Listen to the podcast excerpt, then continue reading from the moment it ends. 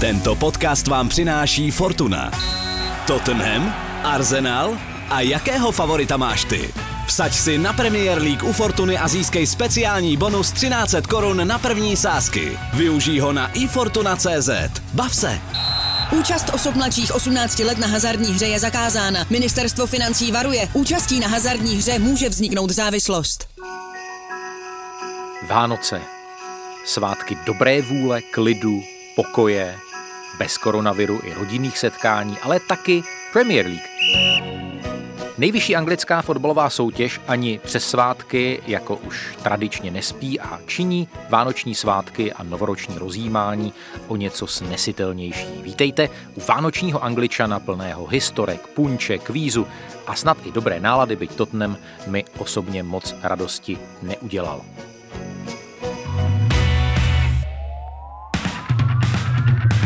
Odkud se vzala silná tradice vánočního hraní fotbalu v Anglii? Poprvé v Premier League dal Liverpool na hřišti soupeře 7 gólů. Masakr motorovou pilou odnesl Crystal Palace. O slavistické zjevení Abdeláha Simu má údajně vážný zájem Arsenal. Everton po slabší pasáži znovu boduje, porazil Chelsea, Leicester i Gunners. Naopak londýnské kluby Tottenham i zmiňovaná Chelsea na předvánoční období nebudou rádi vzpomínat, hodně bodů postráceli. Slaven Bilic vyválčil s West Bromem zázračně bod na Manchesteru City a druhý den byl odvolán. Kdybyste si měli vybrat ze všech anglických týmů tři nejlepší hlavičkáře, koho byste poslali do vápna?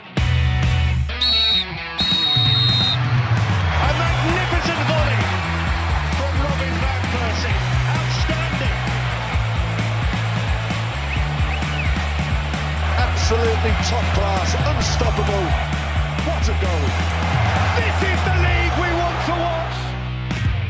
Tady je Angličan, fotbalový podcast Seznam zpráv s Jiřím Hoškem u mikrofonu. Pěkně vítám a přeju pohodový vánoční poslech. Jsou jisté vazby, jistá spojení. Chemik Mike Londesborough by v tom jistě hledal svoji milovanou chemii, svoji milovanou vědu. A ta spojení, ty vazby jsou trvalé, tak nějak nespochybnitelné, jako stromek a ozdoby, kapr a bramborový salát, letošní arsenál a červené karty, nebo kvíz a Martin White s Karlem Herringem. Ano, tahle tradiční dvojice angličana, tedy Martin z eSport.cz a Karel z magazínu Football Club se ke mně připojila, bohužel tedy kvůli opatrnosti jen na dálku. Každopádně, eh, kluci, ahoj a jsem opravdu hrozně rád, že jste si v téhle hektické době našli čas. Ahoj, Přeju silné a stabilní Vánoce.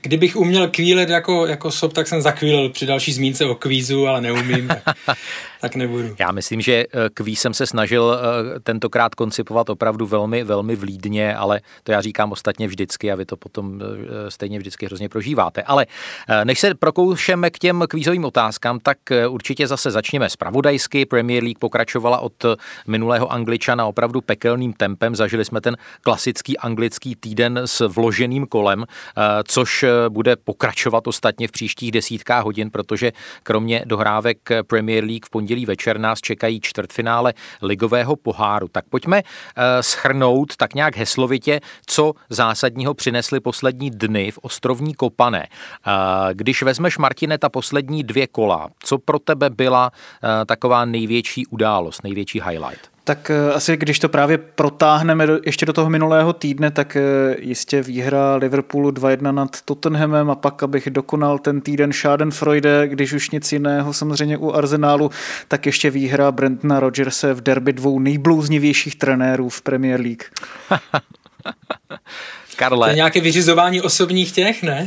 Já to nebudu komentovat, ale Karle, z, z tvého pohledu, pokud samozřejmě no. nechceš zopakovat uh, Martina, uh, co bys, co bys ne, ještě ne, přidal? Ne. Pro, mě, pro mě zajímavé číslo, které jsem si dneska našel na číslo 77 a to je vlastně počet dní, které uplynul uh, od dne, kdy v jednom dní dostal Manchester, Manchester United 6 gólů od Tottenhamu a Liverpool 7 gólů od Aston Villa a vlastně po 77 dnech se odehrálo kolo, ve kterém Liverpool vstřelil sedm branek a Manchester, Manchester United šest gólů, takže opravdu tady ty dvě kanonády i, i v souvislosti s tím, jaký to byl včera vlastně zápas, myslím tím na Old Trafford, tak to byly opravdu z mého pohledu takové vý, výjimečné události těmi výsledky a zároveň zase jenom další dokreslení toho, jak bláznivá sezóna to Vidím je. pro tebe numerologickou jak si, jak si... kariéru, Karle.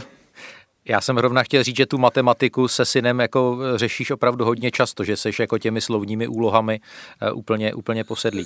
Vstával jsem v 6.30, všechno jsem si poctivě zapsal. Tak...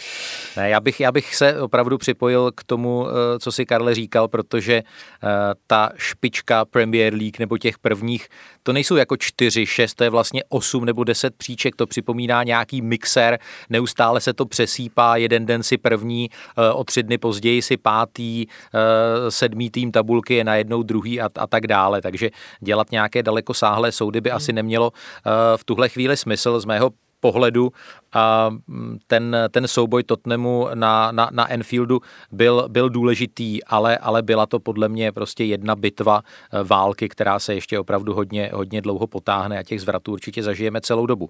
Tak, pojďme k takové mikrorubrice uh, kladný uh, hrdina. Já bych asi zmínil dvě jména. Jednak Ole Gunnara Solskjaera, jehož jsme tady v tomhle pořadu už asi dvakrát poslali na úřad práce a on prostě zažívá takový nějaký uh, revival, nějaký dech života. Myslím si, že to, jak uh, připravil ten tým proti Lícu, byl obdivuhodný. Marcial byl jak eh, Petr Štěpánek prostě ve zlatovlásce politý mrtvou a živou vodou, prostě úplně jako jiný hráč. A taky zařazení McTominay spolu s Danielem Jamesem se ukázalo být opravdu eh, velmi, velmi chytré. A, eh, a potom bych ještě zmínil Irgena Klopa. Já, já fakt nechápu, jak to ten člověk dělá. On prostě na kohokoliv ukáže, kohokoliv dá do sestavy, tak, tak podá prostě životní výkon a hraje jako, jako hráč základní, eh, základní jedenáctky. Je to, tahle ta schopnost, těžko, těžko se mi to jako definuje, je, je podle mě úplně zázračná. Martine, ty si na to chtěl navázat. Německý trpišák, to je jako úplně... Jo, přesně. jo, jo, jo, on, ale si, to, fakt, on fakt. si to hrozně váží. ne, eh, samozřejmě jako tady v té mikrorubrice bych taky jako vyzdvihl mikrosituace, které zvládl určitě um, trenér Ole Gunnar Solskjaer lépe a e, poučil se, jo, jako musíme ho vyzdvihnout samozřejmě po tom, co jsme mu tady dávali čoudy a e, on si to určitě vzal k srdci. No, jinak e, tady tu rubriku Kladný hrdina bych asi, asi přenechal, protože tam nemám úplně co doplnit. Karlet, máš tam nějakého uh, svého hrdinu, který ještě nezazněl?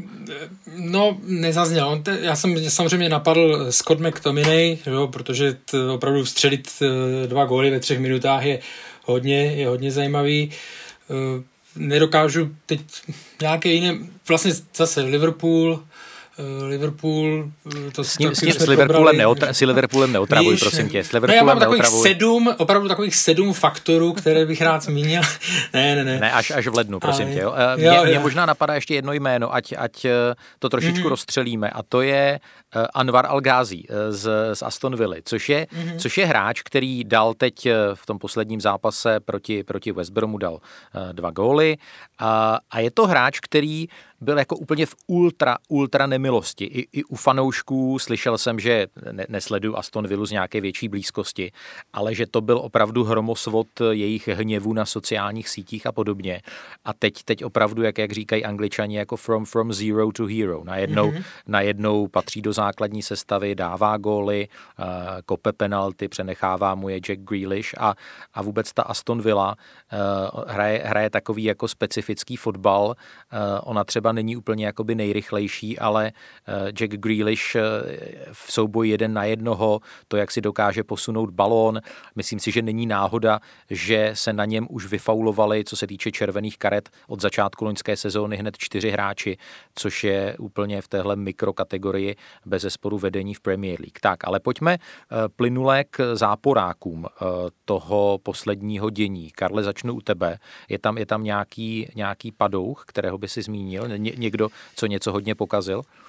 No, ať ne, neříkám nějaký úplně konkrétní, ne, řeknu konkrétní jméno, ale ať neříkám něco na takovou první, eh, první dobrou. Mě třeba e, zarazí, nebo zaráží výroky v téhle sezóně Chrise Wildra, jo, e, trenéra, trenéra Sheffield United. On se po zápase rozčiloval, že vlastně jeho hráč dostal červenou kartu po, na základě opravy Varu, on říkal, že si připadá, že asi prostě z dob těch dinosaurů, jo, že, že si pamatuje, že fotbal je kontaktní sport a tohle, za tohle se vylučovat nemá, no tak já si myslím, že jsme se opravdu posunuli někde uh, od těch 80. let a že tohle byl přesně faul, za který se vylučovat má, stejně tak jako šel hráč West Bromiče, uh, Livermore, uh, Jake Livermore, ano, myslím, ano. ano jo, proti Aston Ville, takže když mám, prostě to jsou zákroky, u kterých můžou praskat nohy, jo, takže a on už těch, on už těch výroků takových jako zas staralých, nebo jak to říct, co se týká právě třeba eh, počtu střídání, co se týká nabitého programu, měl víc, takže za tenhle víkend, eh, za tenhle víkend to je uměl on.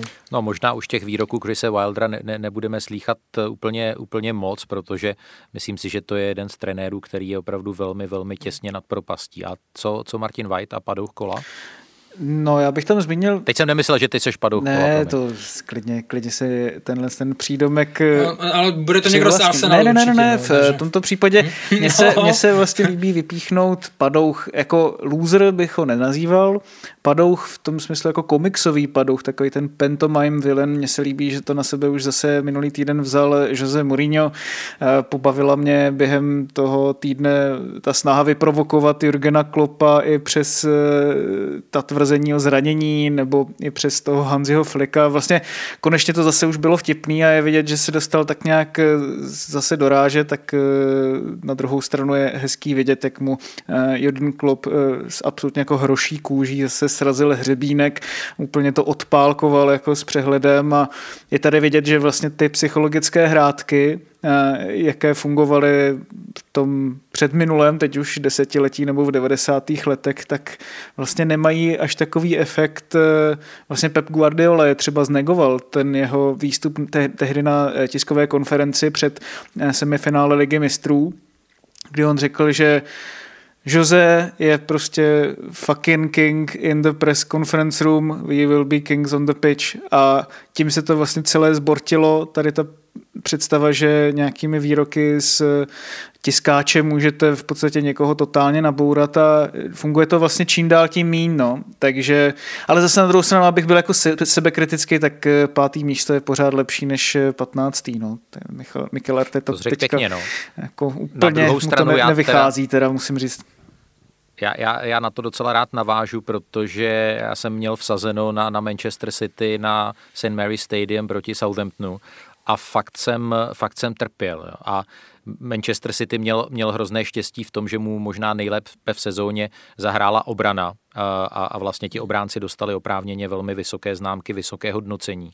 Ale jako směrem dopředu tam, tam se oni strašně zhoršili a strašně se zhoršili v těch věcech, kolik oni přihrávek v docela otevřeném prostoru a adresují prostě alibisticky na takové ty svoje rychlo narážičky, eh, které nevedou k ničemu jinému, než že skončí o 20 metrů blíž k vlastní bráně. Kolik přihrávek jde do strany a je vidět, jak třeba De Bruyneho, který je pořád úplně jasně nejlepší ze všech, jak ho to neuvěřitelně štve. A Raheem Sterling prostě, kdyby existoval, já nevím, jaký je anglický ekvivalent jako zadrbávač roku, tak by se soutěžilo jen jenom o druhé místo, protože on sice dal gól, byl to jediný vítězný gól toho zápasu, ale kolik, kolik těch věcí on toho skazil. On prostě běží sám na křídle dvakrát, třikrát, jeden na jednoho, eh, prostě počká, neumí nic jiného, než zasekávačku do středu, doběhne tu situaci deset hráčů, úplně jsem z něj jako, jako, jako rostl a to, a to nešlo o nějaký jakoby můj, eh, můj klub. Tak, než půjdeme dál, kluci, tak jenom eh, připomenu nějaká taková zajímavá čísla, která jsem vyčetl. Možná nejvíc mě pobavilo, že eh, Jerry Mina, eh, kolumbijský bezmála dvoumetrový stoper, dal v Premier League zatím eh, čtyři góly a všechny dal ve 45. minutě, což je, což je fakt jako radita jako hrom. Těší se do šatny. Uh, No prostě jako šatnář, no tak jak když je 45. minuta, tak je třeba mu opravdu jako spoutat ruce, nohy v téhle minutě je nebezpečný. Jinak na... Já myslím, že všechny dal Arsenalu. Uh, to ne, to ne, to ne. Že, že proto si to vypíchnul, víš, tu statistiku. Ale vypíchnul jsem si ještě statistiku, co tě potěší, uh, že na sedm branek Liverpoolu na Crystal Palace přihrálo sedm různých hráčů, což se v nejvyšší anglické soutěži ještě nikdy nestalo. No a už zmiňovaný a chválený oprávněně Scott McTominay je první hráč Premier League, který v prvních třech minutách zápasu vstřelil dvě branky.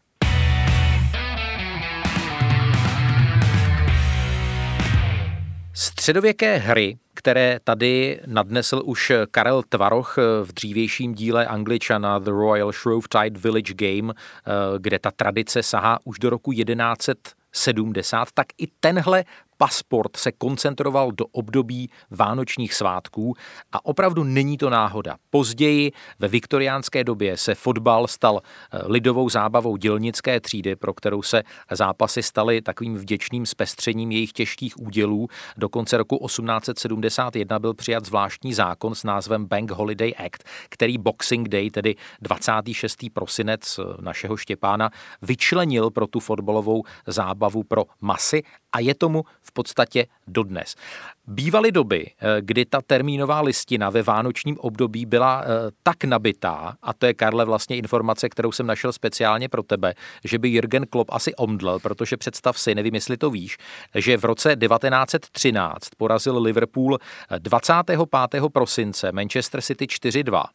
Na Štěpána hned se hrála odveta, ve které Liverpool prohrál 0-1 a 27. hráli Reds hned třetí zápas proti Blackburnu, který skončil 3-3, tak eh, to opravdu byly, byly časy, které jsou i z dnešního pohledu eh, něčím, něčím neskutečným. Já jenom rychlé kolečko udělám, Karle, Martine, eh, i vy to máte tak, že ty Vánoce díky Premier League, že to je jeden z takových jako pilířů vašich vánočních svátků v posledních letech?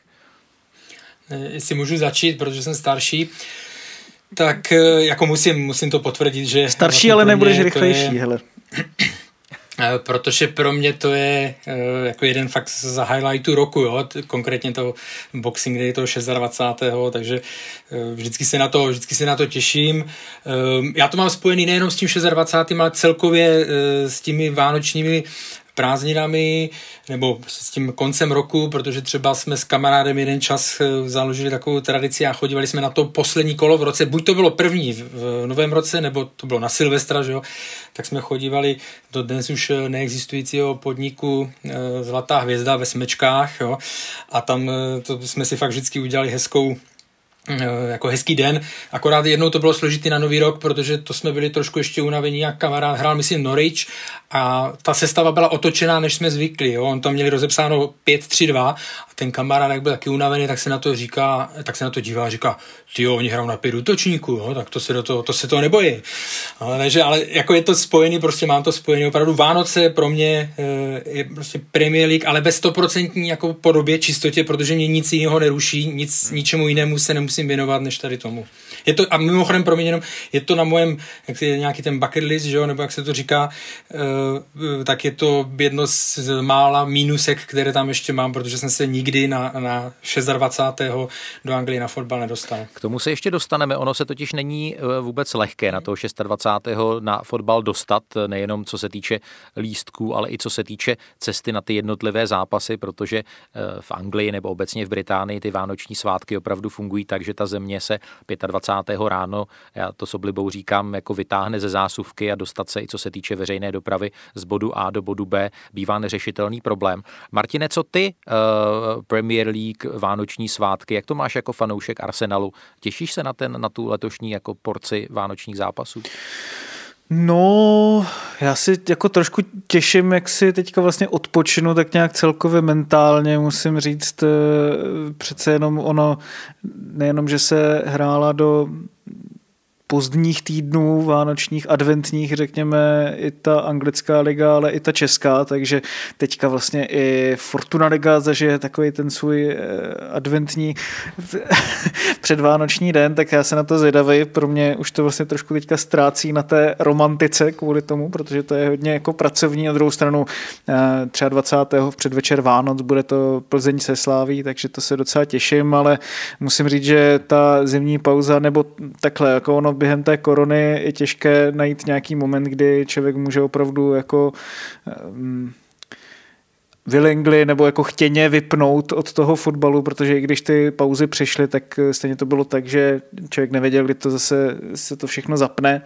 Takže v tomhle tom ohledu teď to vědomí, že eh, v tom fotbale jsou tři týdny pauzy, jsou pro mě jako velmi vítané a určitě jako je naplním taky Premier League, jako jsem to dělal ostatně jako doteď vždycky, ale pro mě to teďka bude let. tím spíš zajímavý, že můžu za tou rodinou, což asi každý z nás uh, teď velmi ocení a budu se asi hlavně věnovat jí. My jsme to tady říkali v jednom z těch předchozích angličanů, co se týče eh, anglického fotbalu, tak opravdu jenom ten 24. 25. prosinec nenabídne žádný pořádný zápas a potom až tuším 31. prosince, jinak se pořád něco smysluplného, eh, něco smysluplného hraje. Eh, já bych určitě zmínil na téma Vánoc tu mimořádně silnou historku, kterou jsem zjistil, že je historicky pořád neúplně stoprocentně probádaná a teď už pochopitelně není možné mluvit s nějakými pamětníky, no a to je to slavné vánoční fotbalové utkání mezi zákopy eh, v zemi nikoho na Vánoce 1914 mezi eh, německými pěšáky a členy britského expedičního sboru. To je taková jako mýtická až událost. Já jsem se vlastně nejblíž k té události dostal díky vyprávění jednoho z těch britských pěšáků jménem Ernie Williams, který dal v roce 1983 rozhovor belgické televizi a on tam popisoval, že se to opravdu stalo, že eh, ten míč vyletěl z německých zákopů, že se okamžitě jako rozpoutalo takové celkem chaotické klání, které bylo specifické tím, že bylo bez rozhodčího, vůbec se nepočítali eh, góly, bylo to samozřejmě jakoby klání, eh, klání pro radost. Pokud bychom měli samozřejmě tam aplikovat pravidlo Garyho Linekra, tak velmi pravděpodobně vyhráli němečtí pěšáci ale jak jsem říkal, to skóre se nepočítalo. A bylo to tedy na Vánoce, bylo to takové krátké příměří, eh, nejspíš 25. prosince, bylo to v oblasti belgického městečka eh, Wolverchem a je to, je to něco krásného, co je, co je spojeného s anglickými eh, vánočními svátky a, a s fotbalem, byť to bylo samozřejmě v konturách mimořádně tragických a smutných. Ale Karle, ty si říkal, že, si, že to máš ještě na tom svém bucket listu, zažít to na, na vlastní kůži, ale mm. máš nějakou jakoby příhodu spojenou s tím anglickým vánočním fotbalem? Jako přímo svoji nějakou ne, protože říkám, nebyl jsem tam. Eh, jednak zajímavost je, co si říkal, jenom odbočím, když jsi mluvil o tom, že eh, je to velmi specifické, složité se dostat tak eh, na ty zápasy jako transportem a tak dále, tak ono je to velmi náročné i jako na složení toho losu a že vlastně ten člověk, který to má, to je Glenn Thompson, který už to dělá více než čtvrt století, tak oni, když ty kluby si píšou svoje před nějaké pár podmínek nebo pár představ, které mají, tak tady to kolo je specifické specifické tím, že můžou napsat, s kým se opravdu nechtějí se jako utkat a, na, a většinou se to kolo skládá tak, aby hráli ty týmy, které jsou e, na mapě zeměpisně relativně blízko, i když se to nepořádají vždycky. Ale já samozřejmě ty si zmínil historický příběh a, a člověk, když to v průběhu těch let četl, tak se dostal k řadě z nich a a myslím si, že nedávno se to i ta, ta fotka objevila na, na, eh, na Twitteru vlastně toho brankáře, mám rád ten příběh toho brankáře, to je z roku 1937, tenkrát se nehrálo na Boxing Day, ale vyloženě 25. Eh, jestli jsem to správně eh, pochopil. A vlastně to bylo ze zápasu Charlton proti Chelsea a nad Londýnem padla obrovská mlha, jo, ten, ten zápas eh, se hrál, no a Golman, Golman už sice neviděl spoluhráče, ale furt byl ve střehu, že jo, furt se tam nějak eh, díval a očekával, kdy poběží nějaký útok. Oni, když se ho pak ptali, jako proč teda, mu to, jestli mu to nebylo divné, že už tam stojí několik, několik minut, tak říká, my jsme tehdy měli silný tým, jo, a myslím, já jsem byl zvyklý, že prostě dlouho tlačí ti spoluhráči, že nepustí soupeře přes půl. No a vlastně, eh, takže mu to nepřišlo divné a přišel ho zachránit, nebo zachránit v vozovkách Až když nějaký policista, který tam obcházel to, tak přišel a říká, co tady děláte? Říká, hraju zápas, ale všichni už jsou eh, ve sprše 15 minut, jo? takže to je fakt. A ještě o 6 roku, to jsem si vyčetl, o 6 roku se stala hezká historka, ono, jako kromě toho, že tam byly to nabity, jak to říká, že se hrály dva zápasy třeba za den, nebo jeden 25. jeden 26. tak se tam celkem pilo protože to bylo prostě vánoční, eh, vánoční svátky, tak v zápase, teď, eh, teď si to přesně ne, nevybavuju, ale jo, myslím, že to byl proti Clapton Orient, tady čtu, proti Bournemouth, a jeden hráč, prostě oni vypili před zápasem nějaké piva a ten jeden to přehnal, takže tam v průběhu hry prostě se tak, mu bylo tak blbě, že tam skolaboval a že byl, opravdu hrál jako hodně, hodně nalitej. No. Ale pak se to teda změnilo. A co to bylo za rok? 1931, to bylo o 6 let dřív ještě. No já si vzpomínám na ten památný zápas 1. ledna, teď nevím, jestli to bylo, myslím, že 2015, že to byla první sezóna Mauricia Početína, eh, Tottenham Chelsea 5-3, kdy eh, stoperská dvojice Chelsea, Cahill Terry taky působila velmi mátožným dojmem a zlé jazyky říkali, že, že přijeli rovnou jako ze silvestrovského večírku nebo ze záchytky. Ale uh, pojďme, pojďme, pojďme. To by mě nepřekvapilo. No mě vůbec ne, hlavně u tohohle složení.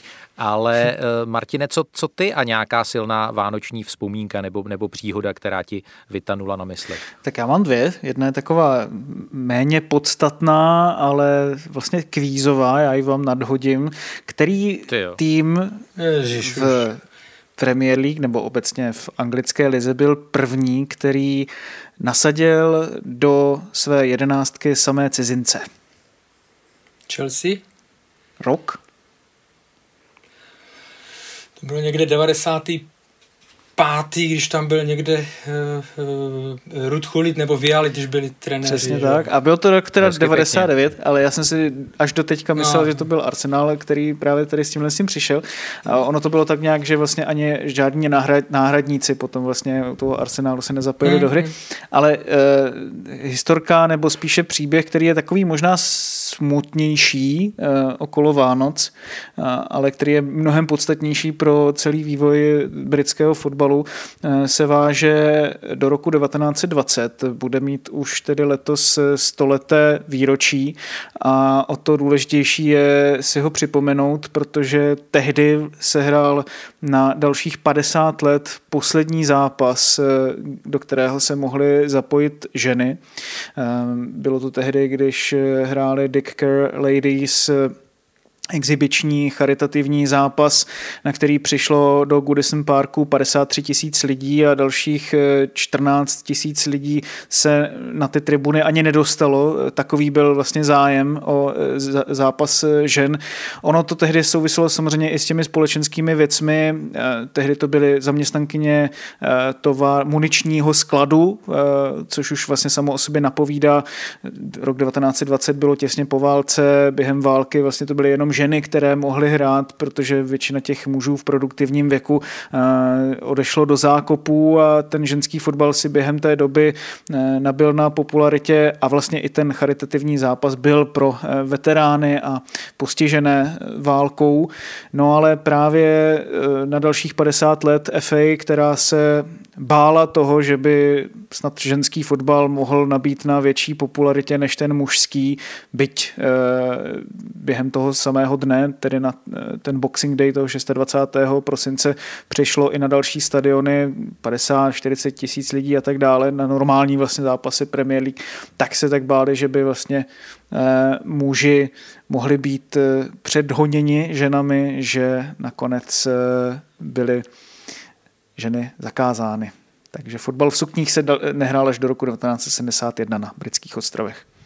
Ano, tak to byl uh, takzvaný kontrakvíz Martina Vajta, jak je pressing, kontrapressing, tak to byl takzvaný kontrakvíz a uh, minoritní okénko. Uh, mě vlastně zaujalo, když si Karlem mluvil ještě o tom rozlosování, že fakt, a Martine, pomož mi, fakt si nepamatuju, kdy jako ve Festive Period a, a hlavně na Boxing Day bylo naposledy severolondýnské derby. Jako já, já si severolondýnské derby v tomhle období nepamatuju. 2008 bych řekl, jestli to byl ten zápas 4-4, a to bylo v Festive Já period. si to nějak mám spojený s Vánocema, ale musím se na to podívat. Podle mě to bylo někdy v zimě prostě. Vím, že jsem byl... No prostě si měl, měl si Vánoce, že, že jste nám dali čtyři no, góly, no, tak, tak to chápu, jako třeba to bylo někdy, někdy v říjnu. Eh, jsem měl takovou vánoční depresi z toho, jak to nakonec dopadlo. Aaron Lennon do teďka jako na to bohužel vzpomínám jako jeden svůj iniciační moment eh, naprostého zmaru Říká Martin White eh, ze serveru eSport.cz. Eh, to pohyhňání patřilo Karlu Heringovi z Football Clubu.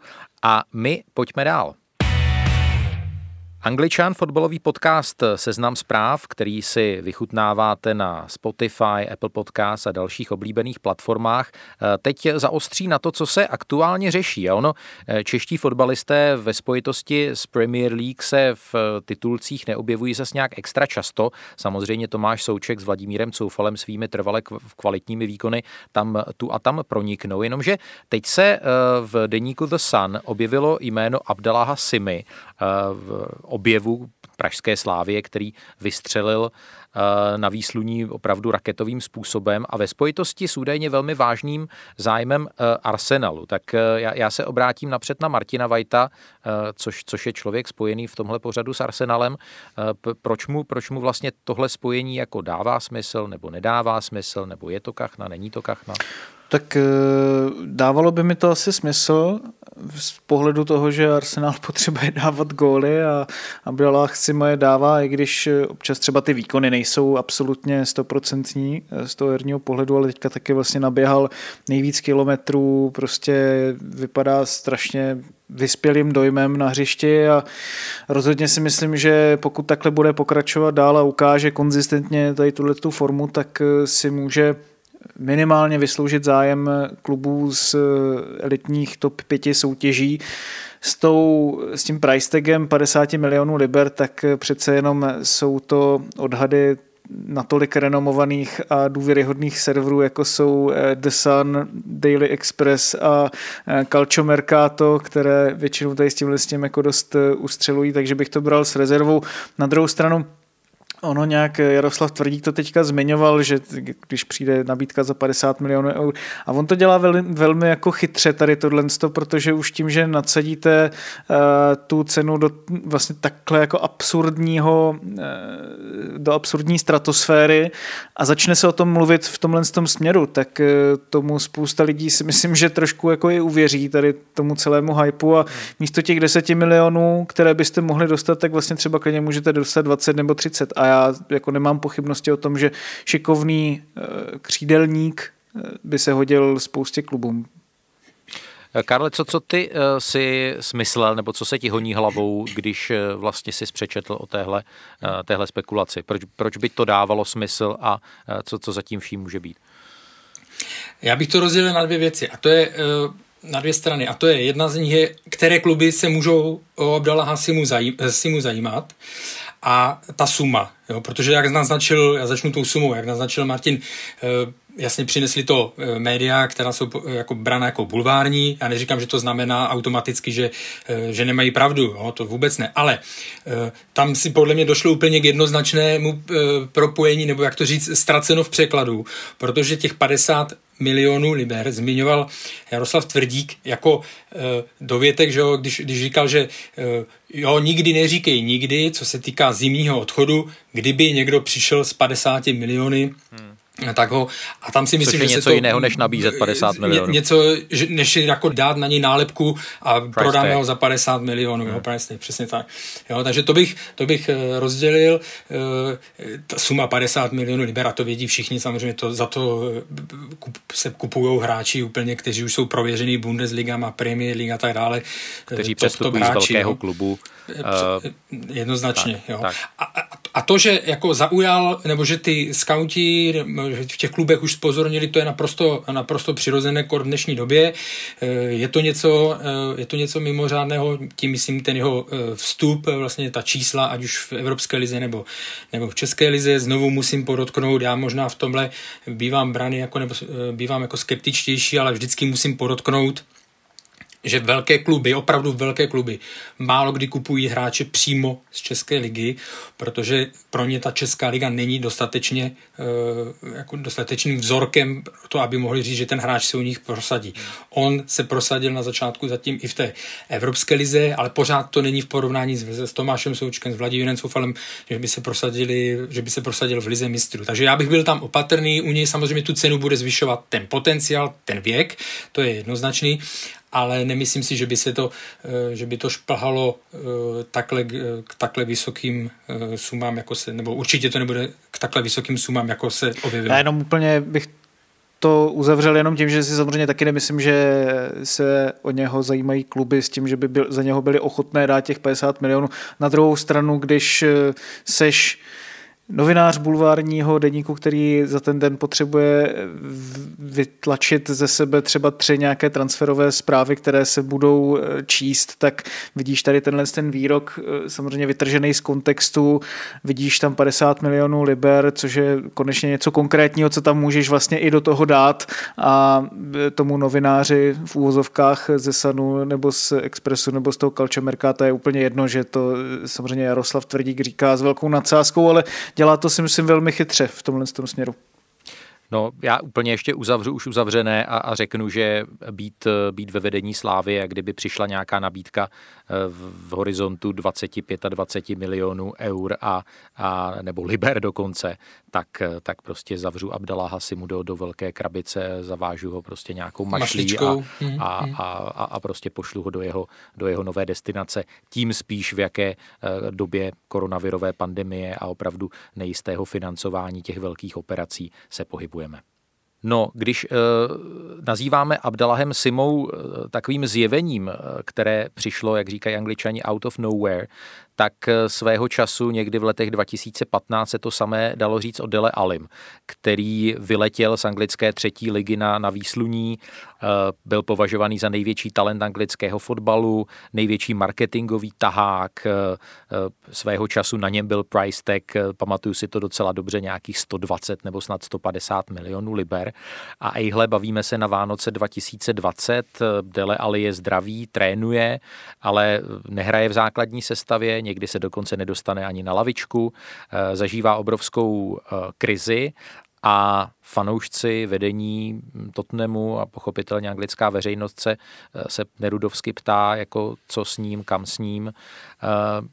Co, co by vy jste doporučovali, ať už z pohledu Dele Aliho, nebo z pohledu Tottenhamu. Já připomenu jednu věc, že když nastoupil Jose Mourinho, tak on dal Delemu velkou šanci. A, a, a Dele měl několik zápasů, kdy nastupoval, uh, splácel tu důvěru, hrál dopředu, hrál dozadu, byl i produktivní, připisoval si góly, asistence, ale potom za, zase začalo takovéto období, kdy jako jeden zápas dobrý, pak dva zápasy úplně o ničem, jeden zápas slušný, tři zápasy o ničem. Uh, Karle, co, co ty, jak, jak vnímáš tuhle situaci? No, musím přiznat, že nevím, kde nebo proč vznikl ten, eh, nastal ten zlom, protože přesně jak ty jsi popsal, když se vrátíme úplně do nástupu, tak se psaly články o tom, že to je typ hráče, pod kterým eh, podobné typy v těch předchozích klubech, kde byl, ať už to byl, ať už to byl Real, eh, Ezil a tak dále, tak ty hráči rozkvetli.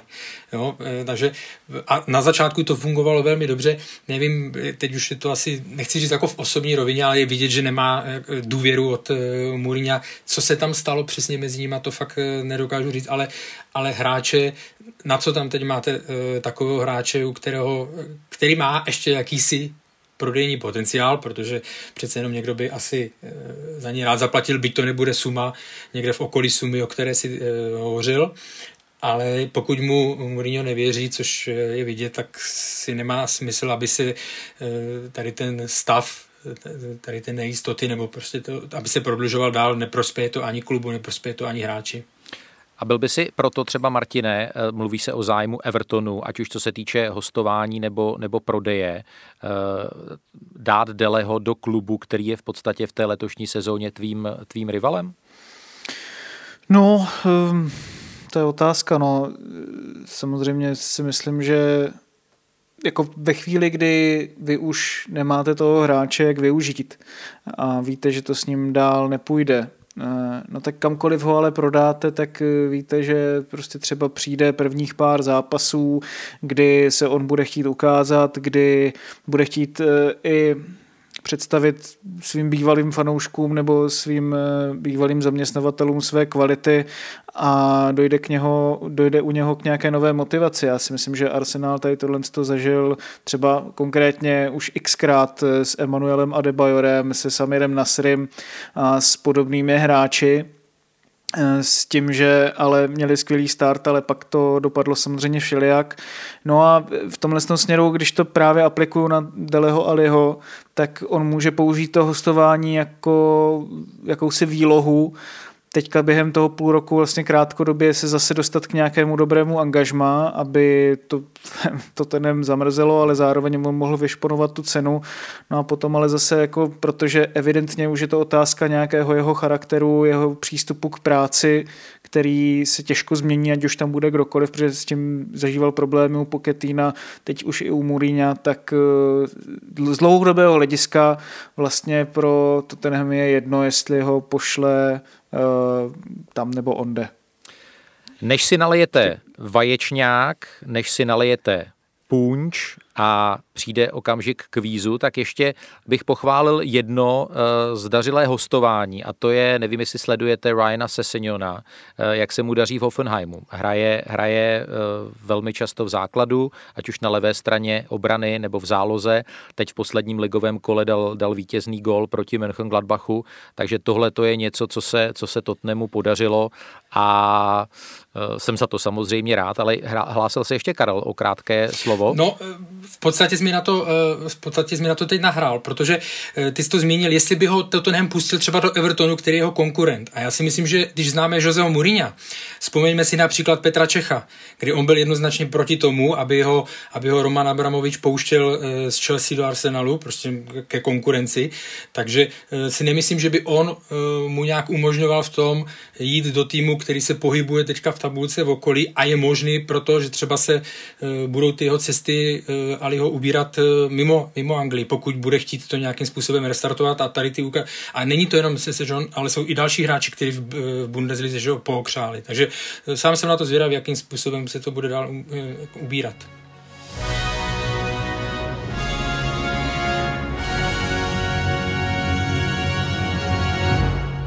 Je tady vánoční kvíz angličana. Zase trošku jiný než ty ostatní, možná i s přihlédnutím k tomu, že kluci tady nejsou se mnou ve studiu, tak ty otázky budu pokládat eh, zvlášť oběma pánům, oběma našim soutěžícím.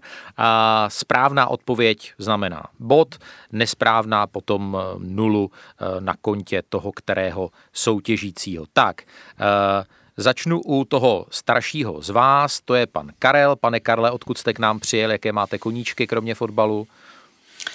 Přijel jsem k vám z Prahy 8 a koníčky, koníčky, no, koníčky žádné nemám. Já žiju takovým skromným životem jednoduchým. To je, to je velmi sympatické, tak ta střídmost teď patří určitě jako tady k tomu současnému období. Tak, eh, pojďme na to. První kolo, otázka pro pana Karla.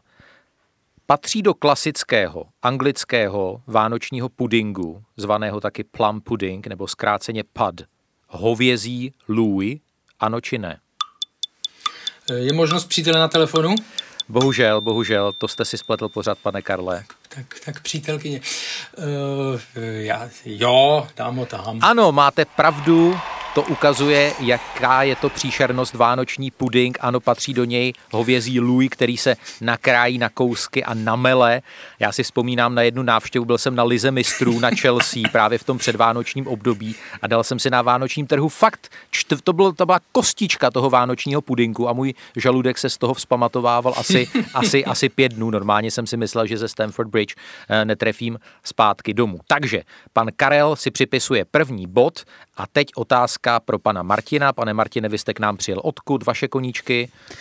Eh, momentálně na Praze 2 a eh, kdybych měl, kdybych měl eh, parafrázovat legendární odpověď z kolotoče, tak mým koníčkem je vykonávat boží vůli a zahrádkaření. Takže.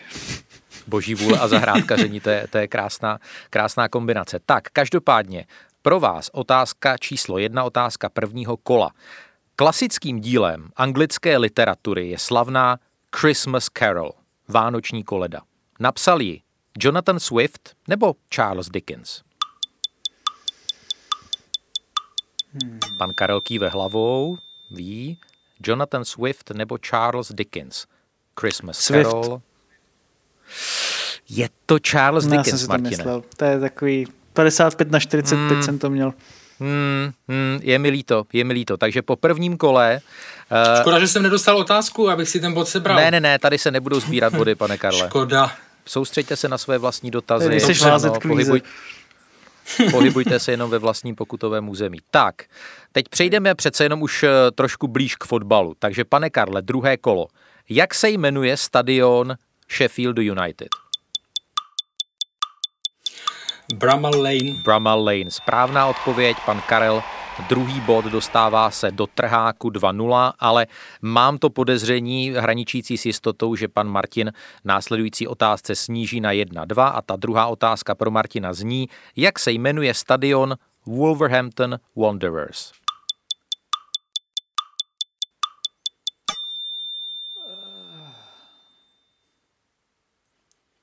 Molinu. Molinu, ano. A tu budeme čekat půl hodiny vždycky na odpověď, nebo jak Pane to bude? Karle, vy zlobíte, bylo to v toleranci, No. bylo to v toleranci, dal bych ještě býval Martinovi asi pět vteřin, ale ta odpověď přišla, je to Molin nebo Molinu Stadium, jak vyslovují angličané. Takže po druhém kole 2-1 pro pana Karla. Karle, třetí kolo, otázka na vás. Který tým letošního ročníku Premier League skompletoval před posledním odehraným kolem nejméně přihrávek? Zamyslete se nad tím. No, vůbec eh, nevím, takže to řeknu jenom tak eh, Sheffield United. Já bych to býval typoval taky, ale představte si, pane Karle, je to Aston Villa. Je to Aston Villa, 4285 přihrávek a v téhle kolonce je poslední na 20. místě. Tak, Karel se na mě nemůže ani Martin, podívat.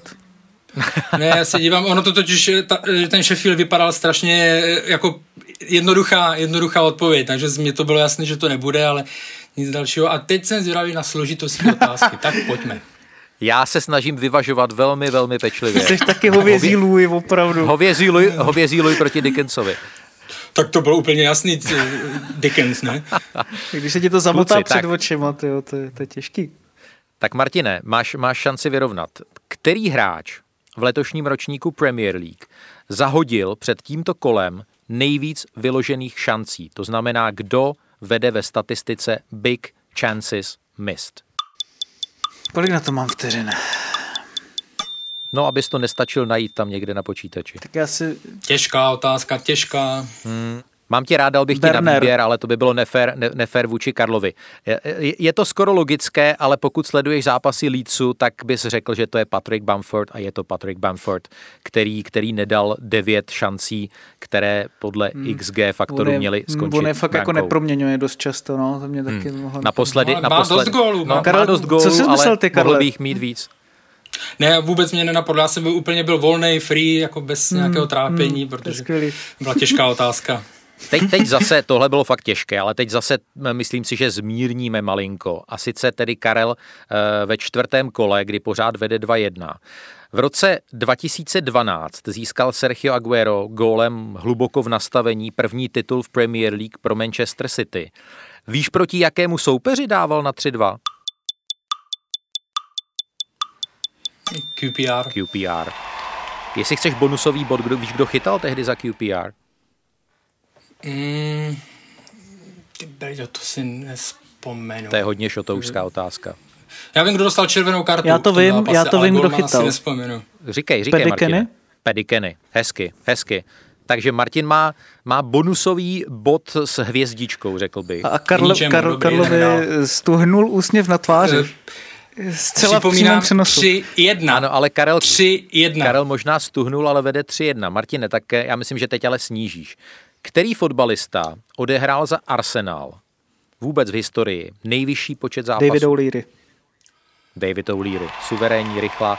Karel se chytá za svoji lisou Pane hlavu. bože. Moc, moc lehká otázka? Tak když fandí eh, za Arsenal, jo, kolik Tak jako, odehrál. sorry, ale Aguero a QPR, jako to jsou dvě nejvyhledávanější slova na, na YouTube jako z Premier League. Snad jako, nemyslíš vážně tady tohle. Ty. A Martin, jestli chceš ještě, ještě jednu hvězdičku jako za, za bonus, tak víš, kolik těch zápasů Dej můj, David. O'Leary ode, odehrál? Dám Stačí nějaká toleranci tolerance? 10 za- Dám 470? ti toleranci... Ho, Můžu, já, můžu taky? Říkej, můžu taky? říkej, říkej. 692. to, já, to jsi byl hodně blízko, 722. Ty jo, to byl o hodně blíž než Martin. Tak já Martinovi odebírám ten tu hvězdičku, co měl. No počkej, ale tak říkal si toleranci 20 bodů, ne? tak to nebylo 20 bodů. Ne, tolerance. Počkej, ty jsi říkal 400 něco, ne? No ale byl jsem o 200 blíž než ty. No, tak to snad jako... Ne, pojďme se vrátit k těm, k těm hlavním bodům. Je to po čtyřech kolech, 3-2 pro pana Karla a je tady páté kolo. Eh, vrátíme se v něm k mistrovství světa 1966 a k tomu kontroverznímu finále, ve kterém angličané díky hetriku Joffa Hursta vyhráli 4-2 po prodloužení. Vzpomeneš si, Karle, aspoň na jednoho dalšího střelce těch zbylých branek? Ty Berďo, kdo tam dával? Tři dával ten, že jo? A Charlton. Ne. Ne. Můžeš i ty německé střelce. střelce. Tam nemám. No, to bych zdržoval. Tam bych se trápil. Ne, nemám, nemám. Dobře. Tak za Angličany ještě skóroval Martin Peters, legenda hmm. anglického fotbalu, a za Němce vlastně dostali do vedení uh, hned v úvodu zápasu Helmut Haller a těsně před koncem základní hrací doby vyrovnával Wolfgang Weber. Tak, uh, Martin má šanci v pátém kole vyrovnat. Když zůstaneme u anglo-německé rivality, tak Anglie moc ráda vzpomíná na výhru 5-1 na olympijském stadionu v Mnichově v kvalifikaci o postup na mistrovství světa 2002. Pamatuješ si, který anglický hráč tehdy zaznamenal hetrik? Michael Owen. Michael Owen. To by děláte na schvál. tak lehká otázka. No, jako, tam měla rozhodnout. No. Musím uznat, že jako na jednu stranu měl jsem lehčí otázku, Když na druhou na stranu, Arsenal, tak na já druhou jsem stranu, na já, já jsem mohl aspoň něco. toho Pedyho Kennyho, ty jsi tam eh, trápil s nějakými 28 zápasama navíc, takže. Já jsem měl aspoň šajnu o tom, kolik odehrál O'Leary zápasů. tak jako to je teď jiná mám doba, pocit, že? Teď mám pocit, to, když takhle, když takhle ty. srovnám toho Peterse, Peterse a, a, a Michaela Owena, tak je to přece jenom trošičku víc fandící Martinu Whiteovi, ale zase jsem dosáhl kýžené remízy. Uh, myslím si, že na ty Vánoce prostě ta remíza patří. Ale tak ten bonusový jako bod, myslím, ten jde ke mně. Jako, minule no, jsem to uznal. Do... Minus... No nejde, ty jsi o něj Jak přišel. o něj přišel? Já jsem si ho něj zase přišel. odebral. No protože jsem byl mnohem no, blíž. Jako byl, byl jsi blíž, blíž, daleko, ale tam... Byl si moc daleko u toho O'Learyho. Tam, tam šlo jako o toleranci, že jo? A Karel na ně nedosáhl. Tím se, tím se, tím se strašně znemožnil, strašně... jak si to netrefilo 250. Je, je, je, je, je. Hele, já jsem trošku čekal Gratuluju tuhle Bavili, bavili jsme se o ligových zápasech nebo o všech zápasech, který odehrál? Ne, to bylo o všech zápasech. No, tak všech já jsem zápasech. Říkal No, ligový.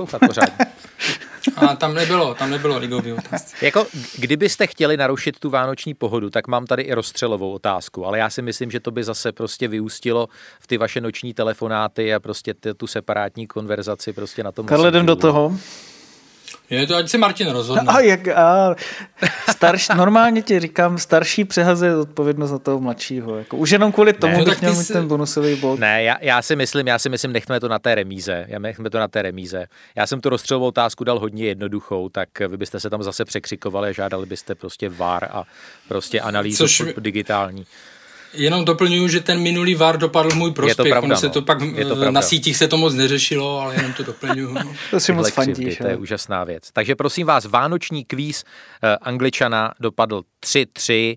Uh, S jasným morálním vítězem. Karel Herring 3-3, bez morálních vítězů, bez nějakých ale, bez kdyby, prostě 3-3. Gratuluju vám oběma. Je třeba zapracovat ještě na těch znalostech malinko. Přesně tak, gratuluju Martinovi k, k bodu a jsem rád, že dlouhodobou sérii nadále vedu. Děkuju. Remízy.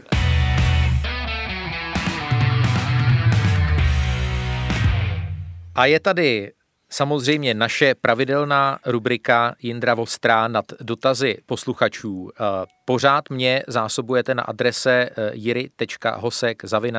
sz.cz to je seznam zprávy.cz eh, moc hezkými, inspirativními maily. Bohužel fakt není v mých silách úplně na všechny hned reagovat, ale snažím se s těmi nejzdařilejšími pracovat. Opravdu všechny, všechny poctivě čtu. A musím říct, že fakt je nad moje chápání, že ještě nepřišlo ani jedno jediné psaní se vzkazem typu eh, neotravuj hošku s angličanem, běž radši do fabriky. Eh, Asi to je tím, že odborový předák Dufek podcasty neposlouchá. Anyway, Použiju dotaz Ondřeje Fiklíka, kterého zdravíme. Ten přichází s velmi zajímavým návrhem, eh, jakkoliv ho sám označuje za bláznivý. Jestli by při prokázané škodlivosti hlavičkování, tedy dlouhodobého hlavičkování na zdraví fotbalistů, mluvili jsme tady o vlivu hlaviček na vypuknutí Parkinsonovy či Alzheimerovy choroby, nedávala smysl povinná ochranná pokrývka hlavy pro fotbalisty. Eh, Co na to Martin White?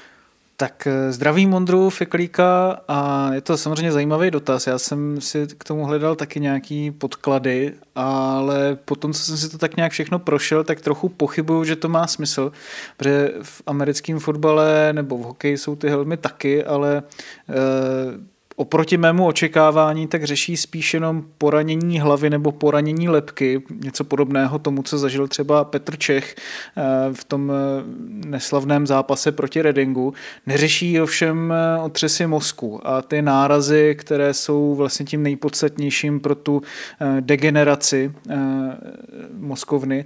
NFL třeba, když si máme vzít tu, z amerického fotbalu sice tvrdí, že si zadávala studii, podle které jako těm jí doporučeným helmám zaznamenávali hráči méně otřesů mozku než ti, kteří hráli bez těch přilep nebo s těmi nevyhovujícími přelbami, ale postoj NFL je dlouhodobě považovaný za možná neúplně důvěryhodný a spíš jako liknavý vůči zdraví hráčů a proto je taky v americkém prostředí hodně rozšířený ten bojkot eh, amerického fotbalu právě kvůli eh, tomu postoji NFL k nárazům do hlavy a ještě vidle do toho hážou studie, které zveřejnil třeba Guardian nebo Bleacher Report, které říkají, že by byl dokonce bezpečnější hrát bez přilby právě kvůli typům a úhlům nárazů od těch přilep, eh, které jsou ještě tvrdší a zdraví nebezpečnější, takže v tomhle tom ohledu se tou problematikou bohužel asi nemá cenu zabývat.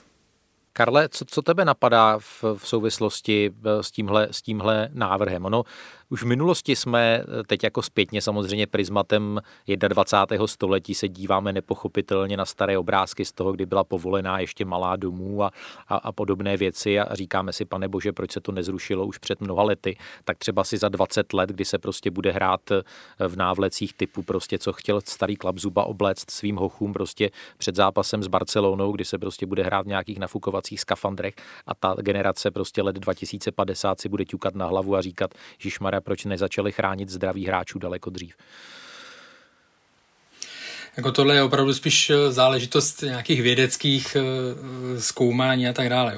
Co je určitě jasné je, že se to stane tématem eh, v těch nejbližších letech, protože to vidíme nejenom u fotbalu, ale vidíme to v posledních týdnech, je to velké téma z pohledu rugby že jo, v Anglii, takže se to bude řešit, budou asi vznikat další, další studie Eh, které to rozhodnou. Jako za mě třeba ta Helma Ala je eh, jako to nejmenší asi bych si na to dokázal zvyknout, byť eh, nevíme, no, nevím opravdu, jestli by to mělo ten kýžený efekt, ono je taky rozdíl uh, určitě v, současn, v kvalitě těch současných míčů, když porovnáme s, s jakými betony nebo medicínbaly v uvozovkách hráli hráči třeba z té zmiňované generace, která mě připravila o vítězství z 60. Já jsem čekal, let, že se k tomu nějak elegantně vrátíš tak eh, vlastně, že tam hráči z toho mistrovského týmu, tak eh, spousta z nich bohužel, eh, bohužel trpěla potom tady těmi, těmi chorobami nebo nemocemi. Včetně Martina Petersena, na, na kterého jsi nevzpomněl, ano. Mm ale za to se mu omlouvám. Ale je to, eh, samozřejmě je to, jako vel, myslím si, že do nejbližších let, eh, že to bude, eh, že to bude Já si myslím, téma. že spíš než helmy prostě vymizí z fotbalu hlavičkování jako takové, že ono už v těch jako, nebo ne úplně, ale ono už v těch mládežnických kategoriích, zvlášť u těch nejmenších dětí se hlavičkuje třeba v některých kategoriích v zahraničí daleko, daleko méně, nebo skoro vůbec. Je tomu Ale tak. To by byla mnohem větší revoluce pro fotbal, než, než třeba jenom helmy. Jo? Helmy jsou jako estetická nějaká nebo pomůcká ochrana, ale tohle by úplně změnilo eh, jako fotbal. Že? Pojďme dál. Uh, fanoušek Chelsea Jakub Hart, uh, kterého samozřejmě taky srdečně zdravíme, posíláme vánoční pozdrav, tak uh, jeho dotaz zní, co říkáme na odmítnutí navýšení počtu střídání ze 3 na 5, velké téma i předchozích dílů Angličana s tím, ale že od 14. kola se zvýšil počet hráčů na lavičce ze 7 na 9. Tak jak tohle, Karle, hodnotíš? Protože to je samozřejmě velké téma. No tak ty týmy zaplatí víc peněz za hotely, jo, protože musí vzít o dva hráče navíc, které stejně nevyužijou. Ne, jako e, za mě, a to je to, co se vrátím ke Chrisu Wilderovi, jo, e, což je, e, jestli to vím, tak jestli si to pamatuju správně, tak to byl jeden z těch, který, ale byli další, který nevidí důvod, proč by se to mělo zvýšit. celá Evropa to má, celá Evropa ve složité době v náročném programu prostě zavedla střídání v pěti lidech. Anglická liga jede v obrovském tempu, v největším ze všech, protože jede přes Vánoce. Anglická liga se hraje v největším tempu. A jediná soutěž, která to nemá, já si myslím, že bude platit to, co, a myslím si, že to řekl Jürgen Klopp, že nejvíc na to doplatí anglická reprezentace na Euro 2021, nebo jak to, jak to nazvat, protože Oni s tím měli vždycky problém, že tam spousta těch hráčů už přijela vyčichlých nebo prostě unavených po sezóně a teď e, to může být ještě, e, ještě zvýrazněno. Navíc vidíme, nebo třeba tam ty hráči někteří ani nepřijedou, protože vidíme počet svalových zranění, jak enormně narostl, e, je to jednoznačně spojený s tou únavou. Takže pro mě, já chápu, že ty menší kluby říkají, že je to zvýhodnění velkých, protože mají širší kádry, protože mají kvalitnější ty kádry, takže když on tam dá ještě čtvrtého, pátého hráče, může přinést větší kvalitu než, než třeba ten menší klub ale e, z mého pohledu je to e, jako nepochopitelné, že, že se ne, nepřizpůsobili těm současným podmínkám. Já se podepisuju, já se podepisuju určitě pod to, co, co, co, říkal, co říkal Karel Herring. Pojďme ještě se vrátit e, nepřímo vlastně k Ondřeji Fiklíkovi a, a hlavičkování, ale tentokrát trošičku na pozitivnější notu. Inspirovala mě anketa na jednom z anglických fotbalových serverů. Představte si, že jste manažerem nějakého výběru anglických fotbalových týmů. Eh, běží 94. minuta zápasu, vy prohráváte o jednu branku, máte standardku v blízkosti pokutového území a máte možnost si ze všech týmů Premier League vybrat tři nejlepší hlavičkáře, které pošlete do vápna, aby eh, zkusili vyskočit a vsítit ten vyrovnávací gól. Tak eh, Martine, koho ty by sis teď s přihlédnutím taky k aktuální formě a k tomu, jak kdo uh, hlavami střílí góly. Koho by si ty vybral? Já jsem chtěl nejdřív navázat na tebe. Ty jsi tam už uh, vidím někoho napsal, takže ty jsem právě nechtěl zmiňovat. A... Ale klidně, klidně, klidně, klidně, klidně mi to můžeš, můžeš, můžeš vyzobat. Ne, to ti, já jsem, to ti já rozhodně jsem... vyzobat nechci, já bych tam určitě dal Tomáše Součka, protože ten je v tom naprosto neuvěřitelný a ještě to prokáže v Premier League si myslím i v dalších sezónách. Pak bych tam eh, dal no, Andyho Carola, kdyby dělal jenom to a pak mohl zase na střídačku, protože jinak by nevydržel nic. A Jasně. možná Jerryho Minu, který už teďka vlastně jako hodně pomáhá, zrovna teďka dal i vítězný gol Arsenalu a ještě bych vysvlékl manažerské sako Timu Cahillovi a dal bych mu zase ten dres, protože to, jako, to byl naprostý ďábel tady v tomhle tom ohledu. Velmi, velmi zajímavá jména od, od Martina Vajta. Já jsem čekal, že svlékneš Tonyho Edemse, teda eh, nevím z čeho, ale uh, určitě by si na něj vzpomněl potom v další instanci. Tak jak by, jak by poskládal tu trojičku, ten, ten vláček nabíhajících Karel Herring?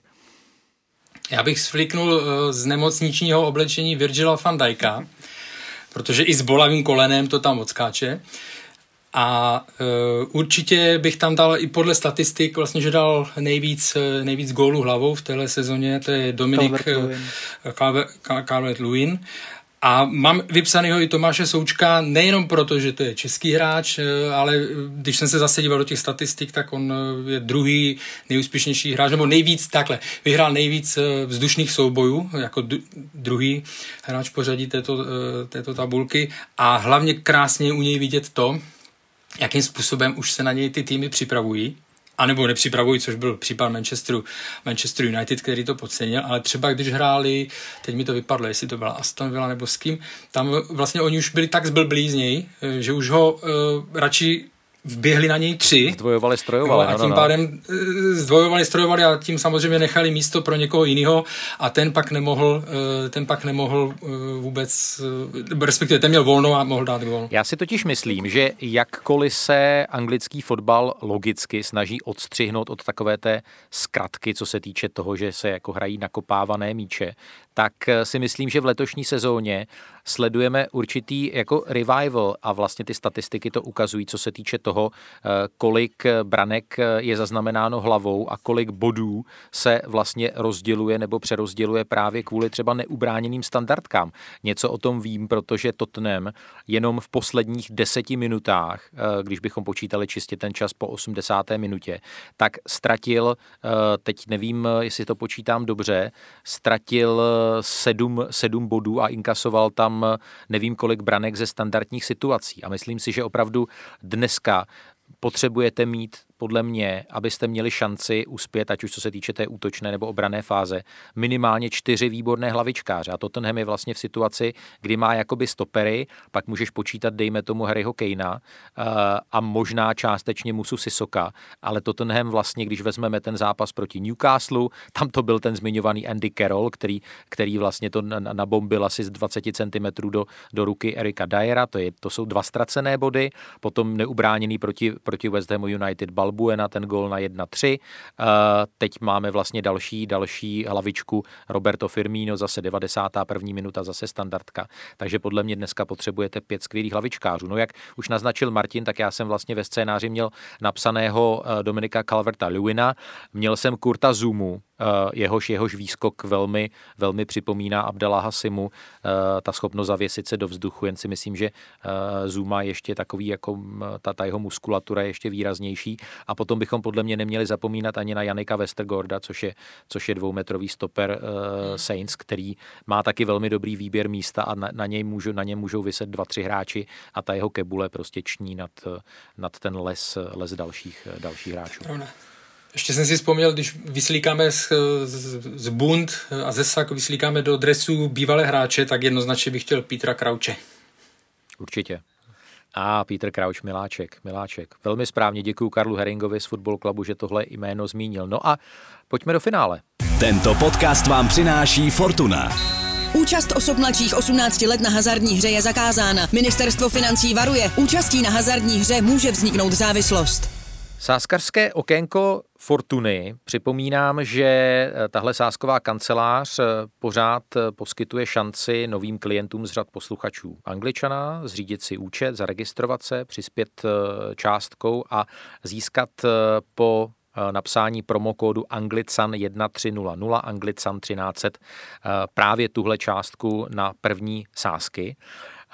Jak jsme říkali, tak během vánočního období anglická nejvyšší fotbalová soutěž opravdu nespí a už to další kolo eh, na Boxing Day nebo jeden či dva dny poté nabízí několik nesmírně zajímavých eh, zápasů.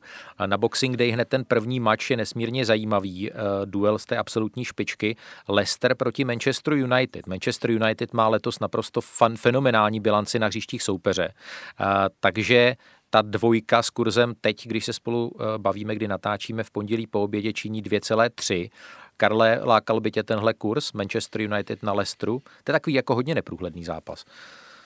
Mě v tady těch zápasech eh, vždycky láká remíza. Hmm, hmm. A jako protože, eh, a to teď nemyslím jako něco proti eh, Manchester United, a, jako o nich se furt tak nějak nemluví, ale oni mají zápas k dobru a oni, když, ho, když to zvládnou, tak jsou vlastně druhý, že jo, no, ano, se nepletu. Je to tak, je to tak. No, takže oni, jako, a ta jejich bilance venku je, je fakt výborná, na druhou stranu Leicester je hodně, hodně silný v téhle sezóně a v tom rozpoložení, jaké jsou, jaké oba týmy jsou, bych se nedivil, nebo mě jako nejpravděpodobnější přijde remíza. Na druhou na stranu je vypsaný kurz 3,65 5, Martine, ano, chceš kontrolovat? No, já potřebuji kontrolovat, jistě, Karlo vždycky. A ne, eh, United mají šest výher ze šesti zápasů venku a Leicester je skvělý a je druhý, ale zároveň je celkem marný doma, protože hrál snad sedm zápasů a z nich tři prohrál, teďka snad poslední dva do konce takže i ta, proto ta, ten nízký kurz na Manchester United, mně se tam líbí jiná sázka a to, že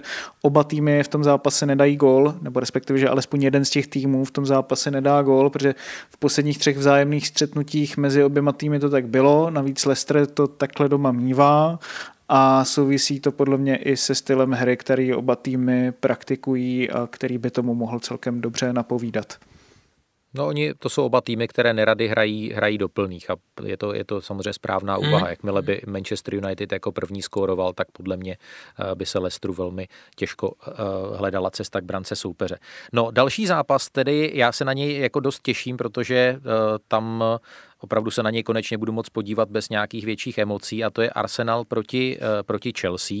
Tam možná eh, vzhledem k jisté recidivě jako první zmíním kurz 5 zhruba na to, že v tom zápase bude, bude udělená červená karta. Zatím jsem se nekoukal, jak je to s nominací rozhodčího, to v anglické lize taky hodně napovídá. Nicméně, jako mě trošičku jako něco napovídá, že by Arsenal, to je přesně ten, ten typ zápasu těžkého, ve kterém by se mohl chytnout. A na tu jedničku je takový kurz 3,7, možná jako solíčko. Já budu malinko v pokušení, Martine, to tam narvat. Já bych zase měl pokušení narvat eh, na kurz 3,7, ale na kříž, protože Arsenal prostě proti Chelsea, pokud nejde samozřejmě o finále FA Cupu, že, ale to byste vy nemohli vědět že, na Tottenhamu, tak eh, Arsenal v lize na Chelsea úplně neumí a i loni s ním měl jako velké problémy, tam vlastně ten zápas skončil 2-2, musel to zachraňovat až Gabriel Martinelli a myslím si, že to bude teďka taky jako dost složitý je porazit s tou formou, v jaké Arsenal je, spíš jako s tím sebevědomím, který teďka jako úplně nejíří, takže tam si myslím, že bude rád, když vybojuje remízu a to je zatím to maximum, jako na které on má. Karle, ty máš na ten zápas nějaký, nějaký silný názor?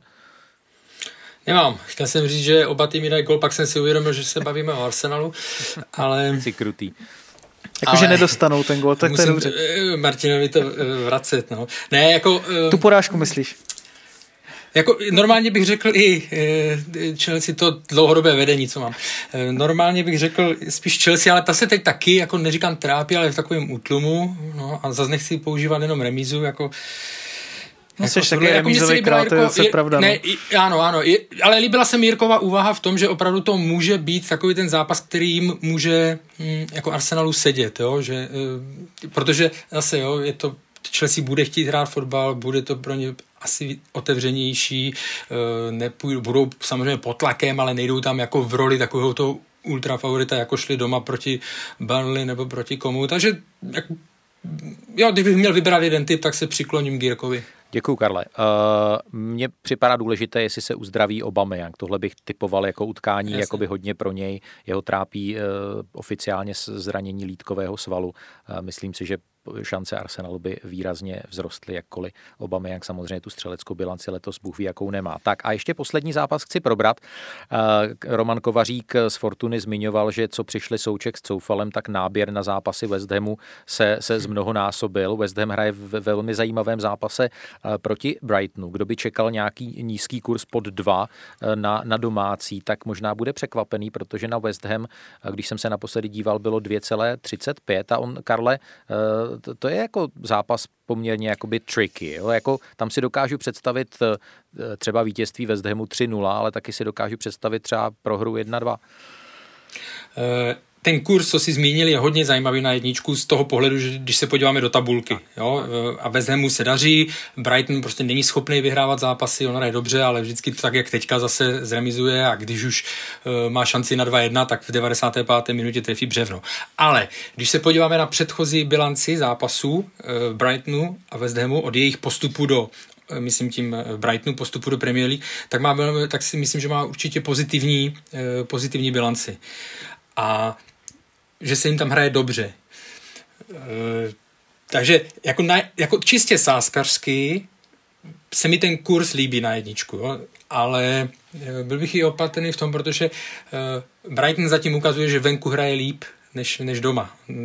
Ten míč si umí podržet, umí si vytvořit šance. U nich je to jenom o tom, eh, aby, aby dokázal tam někdo konečně proměňovat šance a aby třeba do toho tolik vár nevstupoval.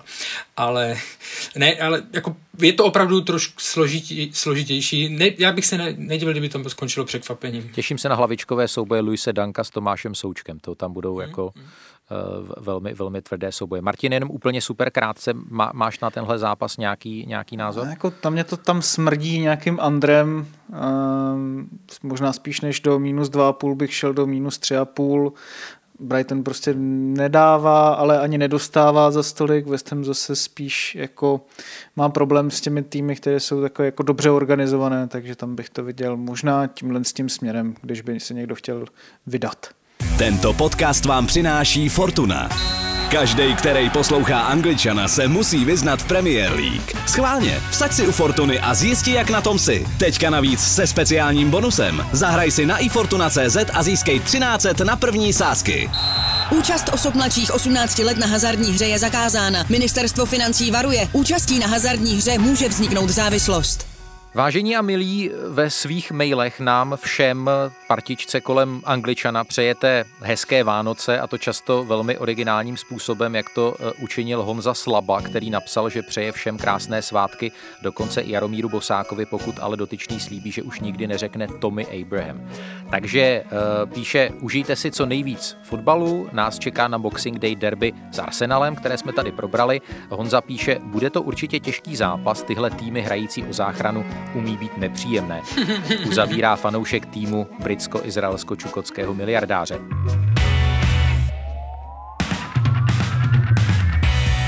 Takže, ať vaše srdce bije pro jakýkoliv tým, to už říká Jiří Hošek. Ať řešíte boj o titul, ať řešíte první čtyřku, ať řešíte klidný střed nebo záchranu, je to, přátelé, jenom fotbal. Myslíme na to v tomto těžkém období, kdy nám fotbal spíš eh, poskytuje nebo měl by poskytovat jedno z mála zpestření a úniků z krušné reality. Neměl by pro nás představovat starosti. Já se uh, loučím s Martinem Whiteem z eSport.cz. Martine, díky moc, přeju krásné Vánoce, stay safe a budu se těšit eh, na slyšenou v novém roce. Taky a všem a moc děkuji za účast eh, Karlu Heringovi, šéf-redaktorovi časopisu eh, Football Club, eh, jehož nové číslo samozřejmě můžu jen a jen doporučit.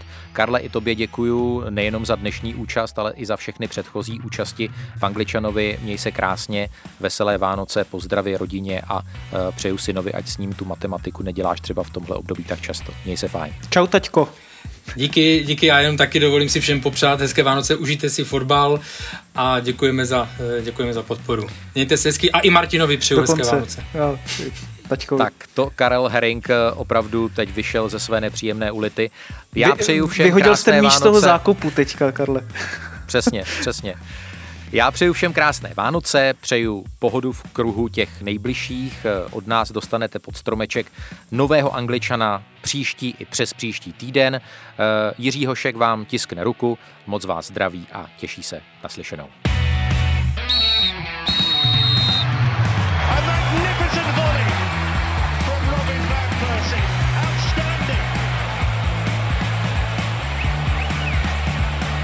absolutely top class, unstoppable. What a goal!